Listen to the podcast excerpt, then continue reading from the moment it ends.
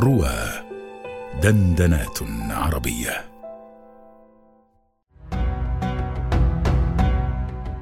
آيات وأبيات مع الأستاذ أبي قيس محمد رشيد على رواه.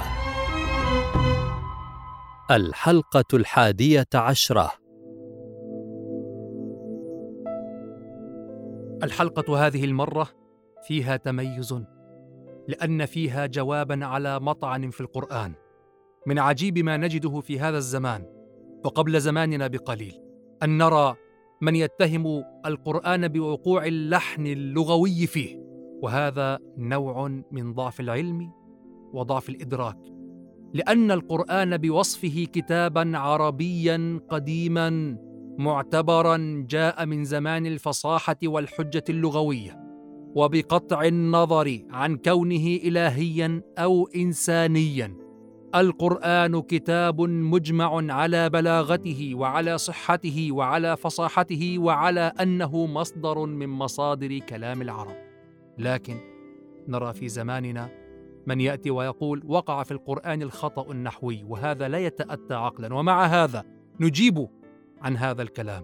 يقولون إن قوله تعالى من سورة النساء لكن الراسخون في العلم منهم والمؤمنون يؤمنون بما أنزل إليك وما أنزل من قبلك والمقيمين الصلاة والمؤتون الزكاة والمؤمنون بالله واليوم الآخر أولئك سنؤتيهم أجرا عظيما. يقولون كيف قال الله تعالى والمقيمين الصلاة؟ مع أنه معطوف على مرفوع لكن الراسخون في العلم والمؤمنون والمقيمون الصلاة هكذا ينبغي أن يكون. وبعده والمؤتون الزكاة والمؤمنون بالله واليوم الآخر. فكيف اختص المقيمون الصلاة بأن نقول فيهم والمقيمين الصلاة؟ من أين جاء هذا النصب هذا أيها الإخوة يسميه العلماء بالمدح على أو بالنصب على المدح. بالنصب على المدح أو النصب على التخصيص أو النصب على القطع. ويقدرون هنا فعلا في الكلام. وأنا قدمت الحديث في هذه الحلقة بالآية لأنها هي التي تتهم بالخطأ. وعجبا لهم لا يتهمون الشعر بالخطأ لأنهم لا يقرؤون الشعر أصلا ولو راجعوا الشعر وقفوا من ذلك على شيء كثير. النابغة الذبياني في عينيته المشهورة التي أولها عفا ذو حسن فرتنا فالفوارع. يقول فيها لعمري وما عمري علي بهين لقد نطقت بطلا علي الأقارع. أقارع عوف لا أحاول غيرها. وجوه قرود تبتغي من تجادع. جاءت الرواية بأقارع واقارع أقارع عوف على النصب. أي أخصهم.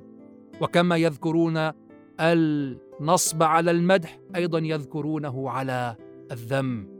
وهنا يأتي النصب بفعل مقدر محذوف. فكان قوله تعالى والمقيمين الصلاة أي وأخص المقيمين الصلاة. وتقدير الفعل مع عمله في المفعول معروف في الشعر الفصيح العالي. عندنا امرؤ القيس في صدر قصيدته ألاعم صباحا يقول ليالي سلمى إذ تريك منصبا وجيدا كجيد الرئم ليس بمعطال ما معنى قوله ليالي سلمى؟ من أين جاء بهذا النصب؟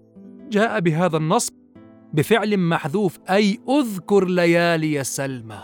أذكر ليالي سلمى إذ تريك منصبة.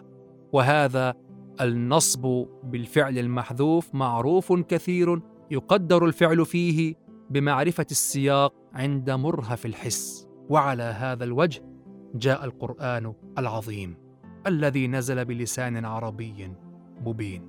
ليتنا أو أرجو أن نقرأ الشعر قبل أن نحاول تلمس هذه الوجوه في القرآن فالشعر والقرآن من مورد واحد هو مورد اللسان العربي المبين.